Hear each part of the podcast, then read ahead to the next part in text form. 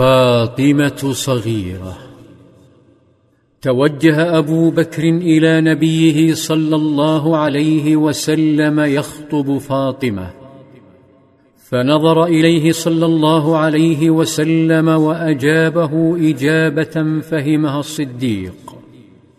قال صلى الله عليه وسلم إنها صغيرة.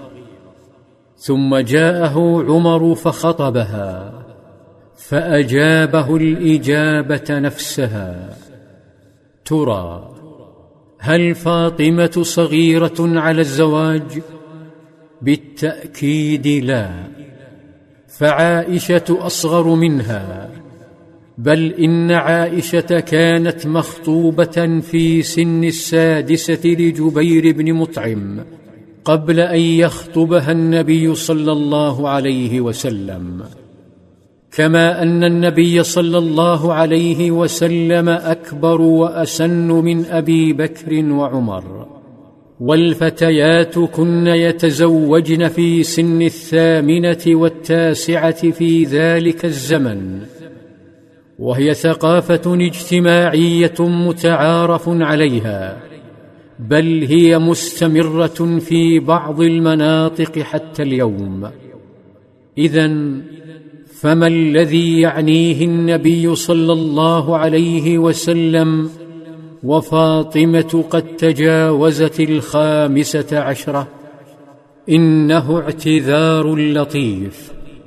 فالنبي صلى الله عليه وسلم لم يكذب ففاطمة صغيرة لكن ليس على الزواج كما أن الأمر لا علاقة له بالأفضلية. فالنبي صلى الله عليه وسلم زوج رقية لعثمان ولما توفيت زوجه أختها أم كلثوم وعثمان ليس بأفضل من أبي بكر ولا من عمر.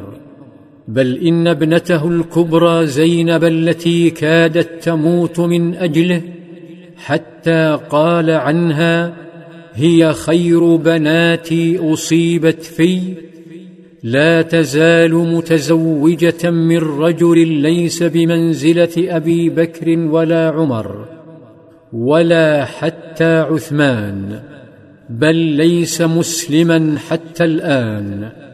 وهو أبو العاص بن الربيع.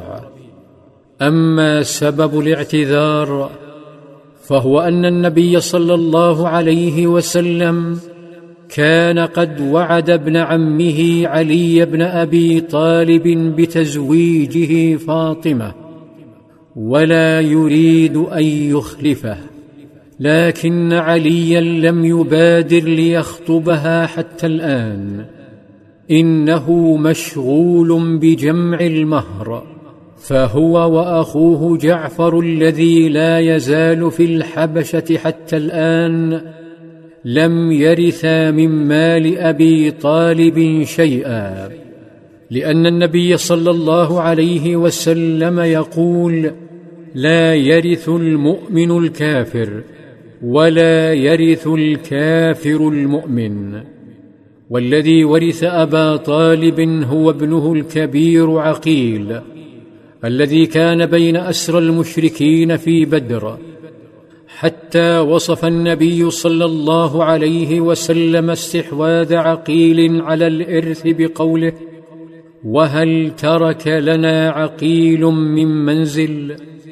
لم يدر علي بأن الخطاب يتهافتون على الزهراء. كان غير مستعجل في طلب يدها فقد وعده النبي صلى الله عليه وسلم بها كما أنه ليس شديد الفقر. صحيح أنه سار ثلثي الطريق إلى بدر على قدميه لكنه عاد من المعركة بشارفين. أي بناقتين سمينتين الأولى من الغنائم والأخرى منحها إياه النبي صلى الله عليه وسلم من الخمس لكن الناقتين ذهبتا مع الريح والخمر. تلاشتا في قصة أبكت عليا وأدمت قلبه وأحزنت نبيه صلى الله عليه وسلم.